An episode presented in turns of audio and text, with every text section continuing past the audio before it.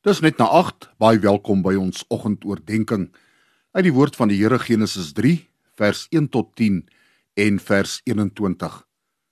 Die slang was listiger as al die wilde diere wat deur die Here God gemaak is en het vir die vrou gevra: "Het God werklik gesê: Julle mag van geen boom in die tuin eet nie?" Die vrou het die slang geantwoord: "Ons mag eet van die vrugte van die boom in die tuin." God het net gesê ons mag nie eet van die vrugte van die boom in die middel van die tuin nie en ons mag dit nie aanraak nie want dan sterf ons. Toe sê die slang vir die vrou: "Julle sal beslis nie sterf nie, maar God weet dat julle oë sal oopgaan die dag as julle van daardie boom eet en dan sal julle soos God wees deurdat julle alles kan ken." Toe besef die vrou dat die boom se vrugte goed is om te eet en mooi is om na te kyk en begeerlik is omdat dit kennis kan gee. En sy het van sy vrugte gepluk en geëet.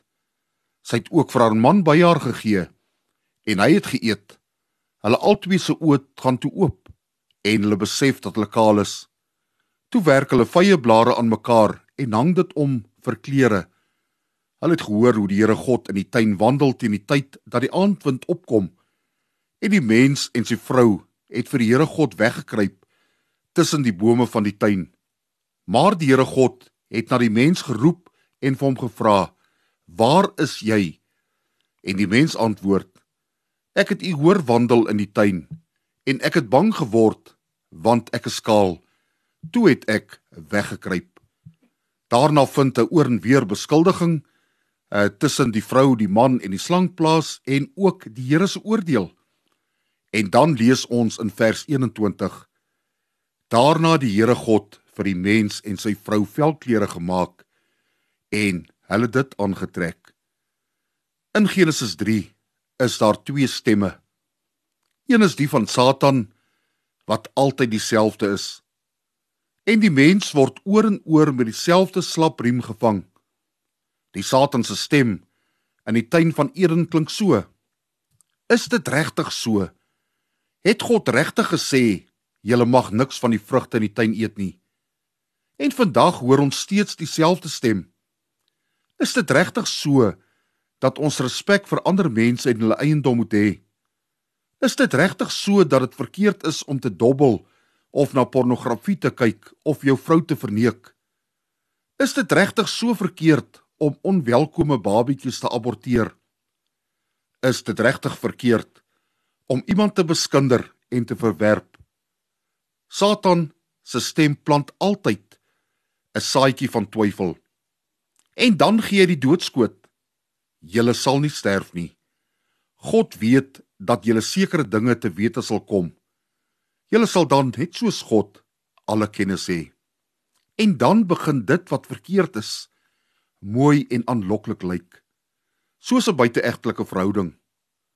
'n drankprobleem, misdaad en geweld, pornografie, diefstal. En die uiteinde is altyd spyt en skuldgevoel, altyd selfverwyd. Soos in die geval van die eerste mense Adam en Eva. Hulle is nakend. Hulle voel skaam en hulle kruip weg. Daarom dink baie mooi wie se stem jy hoor. Maak seker dat dit God se stem is waarna jy luister. God se stem is beslis ook nie al die fopnuus waaraan ons blootgestel is nie.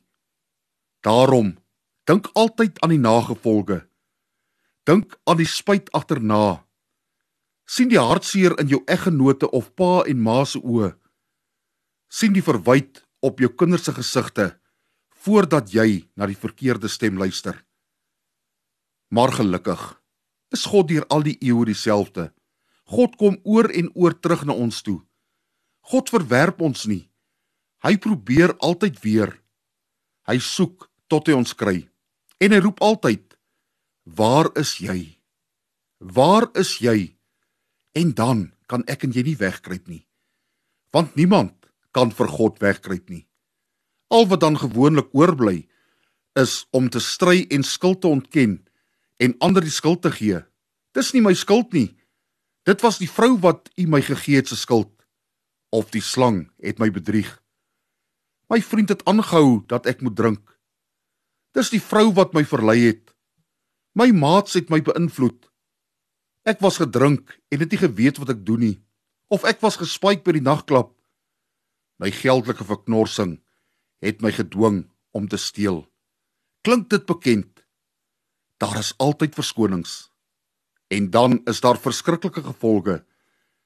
In die woord van die Here is die slang vervloek en daar staan dat hy op sy pen sal seil en stof eet. Die vrou sal met pyn en lyding kinders in die wêreld bring. Die mens sal sy lewe lank met droefheid sukkel om 'n bestaan te maak. En die mens se lewe op aarde is tydelik. Hy of sy gaan sterf. Maar weet jy wat? My en jou troos vanoggend is dat God nooit sy kinders in die steek laat nie. Hoor jy dit vanoggend? God laat nooit ons aan ons eie lot oor nie. In die haglike omstandighede waarin mens jouself dompel, tree hy altyd in liefde na vore. In vers 3, Genesis 3 vers 23 staan dat die Here God vir die mens en sy vrou klere van vel gemaak en dit vir hulle aangetrek het. 'n Wonderlike vers. Want in hierdie vers en in hierdie gebeure word hulle naaktheid versteek. Hulle skaamte is nie meer sigbaar nie. Hulle skuld is uitgewis. Hulle word bedek onder God se liefde. Die vraag wat ek vir myself vra, word hier hier in die heel begin reeds heen gewys na Jesus Christus. En weet jy, ek dink so. Dit lyk of God reeds met die eerste verval of sonde vooruit gedink het. Alles haarflyn beplan het vir die toekoms. Het jy dalk in die struik getrap om na die verkeerde stem te luister en gaan jy gebuk onder skuldgevoel en selfverwyd? Hoor God se stem as hy na jou vanoggend roep. Waar is jy? Laat hom toe om jou nou te bedek met die bloed van sy seun Jesus Christus wat jou tydelike velklere vervang. Laat hom toe om jou skaamte te bedek Laat hom toe om jou skuldgevoelens weg te steek.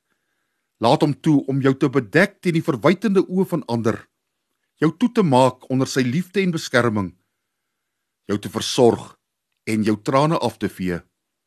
God het ons so lief dat hy reeds meer as 2000 jaar gelede sy seun Jesus Christus geoffer het in ons plek. Is dit nie genade onbeskryflik groot nie? In een van die wêreldoorloë van die verlede was Engeland besig om die stryd te verloor. Die Engelse laarhuis wou handdoek ingooi. Hulle wil oorgee. Toe gee die leier Sir Winston Churchill die volgende opdrag: We will go until the end. We will never surrender. En Engeland behaal teen alle verwagting die oorwinning. Net so moet ek en jy besluit vir God of teen God. Soos Josua van ouds. Wat my en my huis betref, ons sal die Here dien. God roep na jou vanoggend. Waar is jy? My liefste kind, waar is jy? Luister asseblief. Hoor God se smeekende roep asseblief. Hy roep my en jou. Luister asseblief en onderwerp jou ten volle aan sy wil. Het ek en jy werklike keuse? Vader, U vra vanoggend vir ons, waar is jy? En dis ons keuse om U stem te hoor en gehoorsaam te wees of vasgekeer te bly in die tronksel van verslawing, onreg, ontrouheid of haat.